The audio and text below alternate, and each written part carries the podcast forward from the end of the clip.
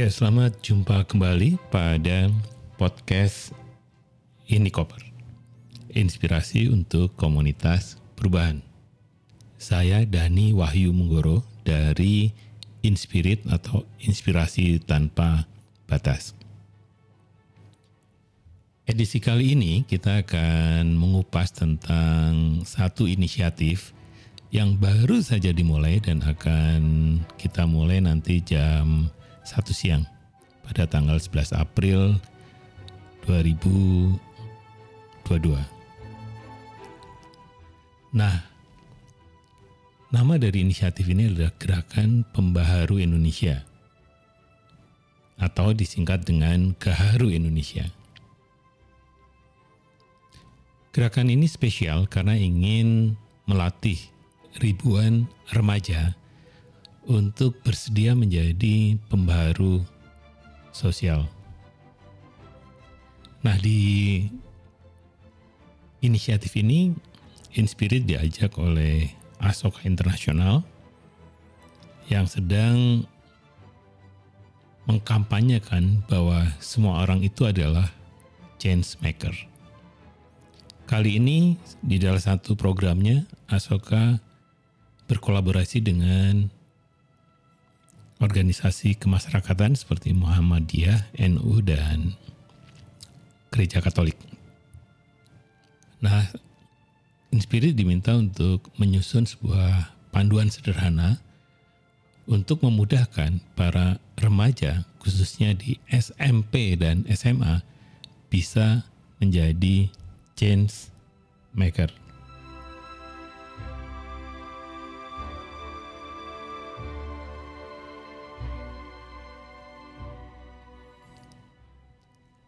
Kami mencoba menerjemahkan tawaran ini dengan menggunakan satu pendekatan yang kita kenal sebagai pendekatan yang bertumpu pada kekuatan atau strength based thinking atau strength based approach. Apa itu?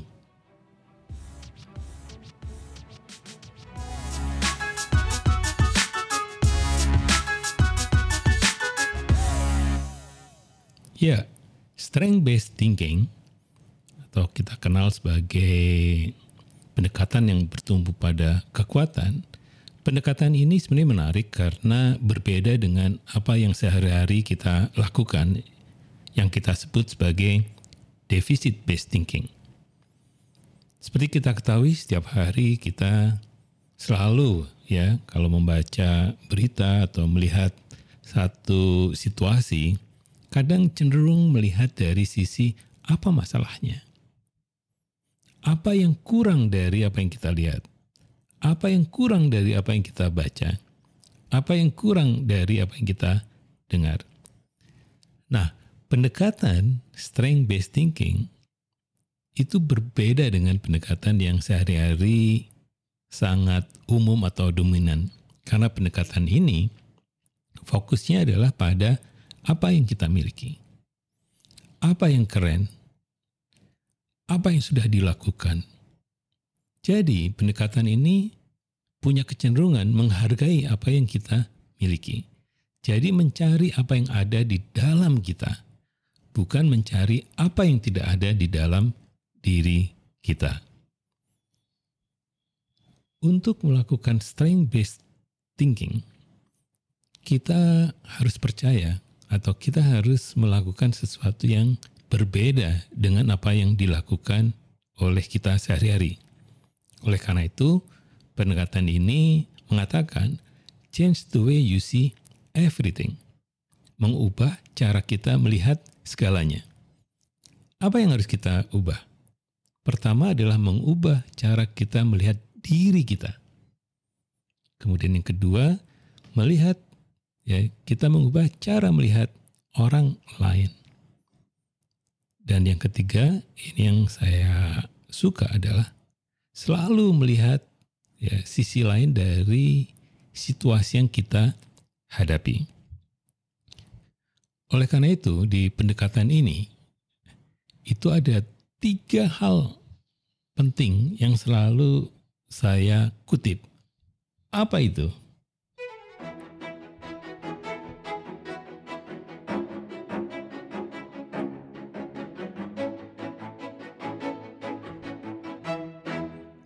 Ya, tiga hal yang harus kita ingat di dalam pendekatan strength based thinking adalah pertama,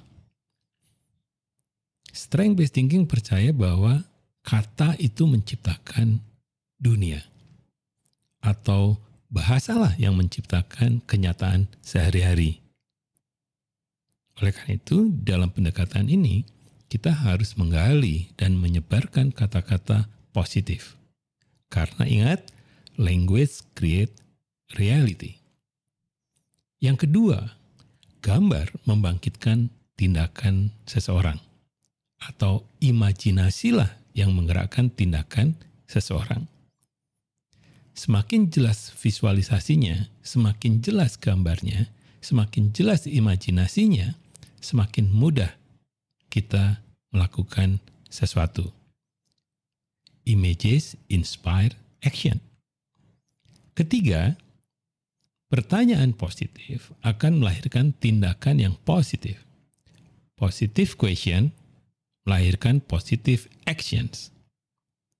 Untuk menggerakkan orang atau banyak orang, kita hendaknya lebih fokus pada memberikan pertanyaan yang positif dibandingkan menyuruh ini, menyuruh itu, memerintah ini, atau memerintah itu. Oleh karena itu, buatlah pertanyaan-pertanyaan yang positif, positif supaya orang melakukan tindakan-tindakan yang positif. Pendekatan ini menjadikan kita sebenarnya fokus pada apa yang sedang bekerja di diri kita, di tim kita, ataupun di komunitas kita. Pendekatan ini fokus pada apa yang mungkin, apa yang bisa, apa yang mampu, bukan sebaliknya. Nah, yang ketiga, pendekatan ini juga punya manfaat karena fokus pada harapan, bukan masa depan yang gelap, melainkan masa depan yang terang, benderang. Bagaimana kita melakukan atau menerjemahkan aset based thinking untuk para remaja?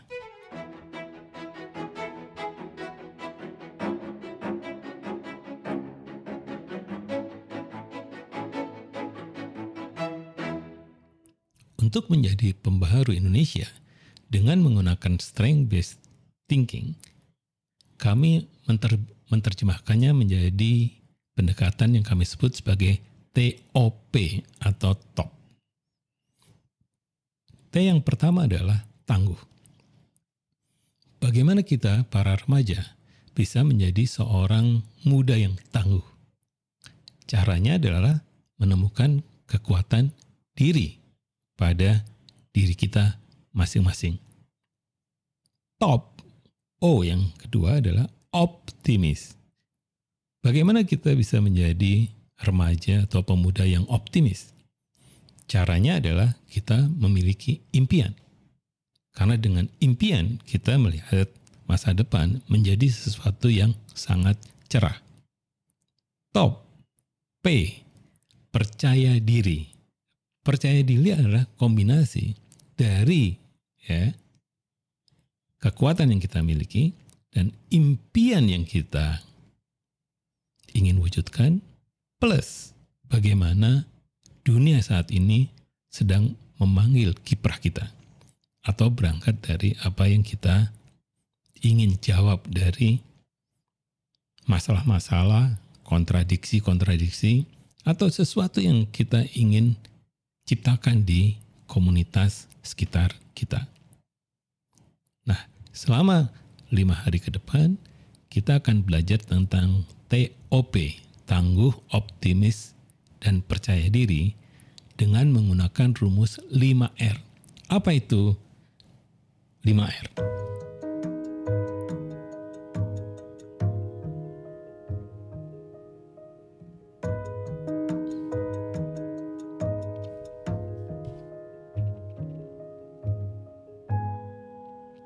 Ya, rumus 5R artinya adalah rasa, raih, rancang, rencana, dan rawat.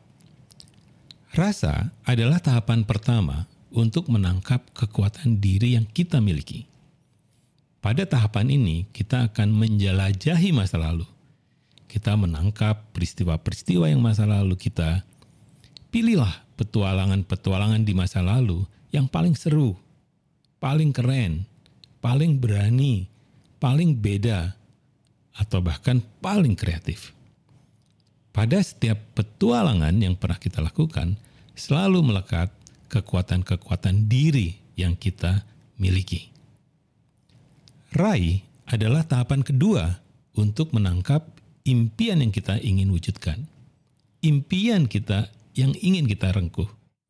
Pada tahapan ini, kita akan menjelajahi masa depan. Masa depan seperti sebuah katalog, berisi kenyataan-kenyataan yang kita ingin wujudkan. Impian atau impian-impian itu bisa ditangkap melalui imajinasi, melalui visualisasi, melalui gambar-gambar. Silakan tangkap masa depan atau silakan bentuklah masa depan Anda atau masa depan kalian. Karena kata Einstein ia menyatakan bahwa bermimpi itu adalah awal dari sebuah kenyataan. Rancang adalah tahapan ketiga untuk merinci elemen-elemen impian kita. Semakin rinci, semakin jelas, semakin mudah kita mewujudkan impian kita. Di dalam tahapan ini, kita mengkombinasikan antara kekuatan otak kanan dan otak kiri. Bila kedua otak kanan dan otak kita, kita aktif, maka tidak ada yang mustahil. Di dalam proses merancang, ingat, ini adalah bukan proses merencanakan, tetapi proses membayangkan elemen-elemen yang menjadi kunci dari impian yang kita ingin wujudkan. Rencana adalah tahapan keempat untuk menentukan langkah-langkah yang bisa dilakukan untuk mewujudkan impian. Nah, di sini kita mulai menggunakan apa yang sering orang sebut sebagai theory of action, yaitu langkah-langkah yang nyata dan bisa kita lakukan. Dan hendaknya langkah-langkah itu bersifat baru, segar, dan belum pernah kita lakukan di masa lalu.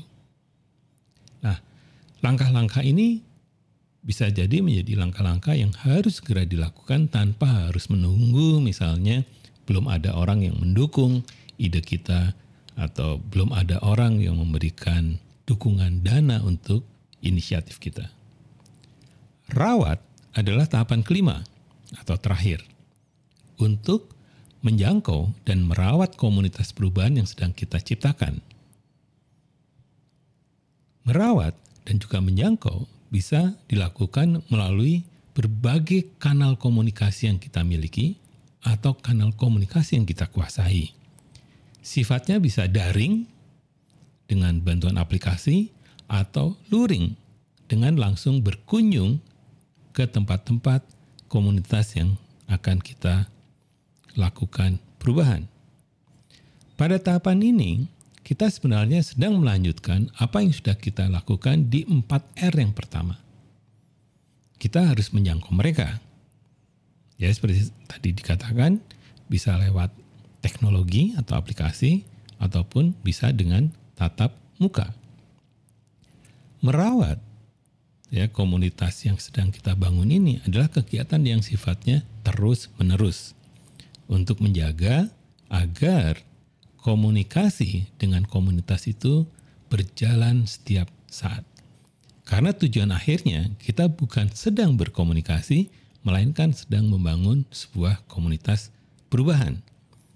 Demikianlah 5R atau 5 tahapan untuk terlibat di dalam gerakan pembaharu Indonesia. Mudah dan sederhana kan? Jadilah changemaker sekarang juga.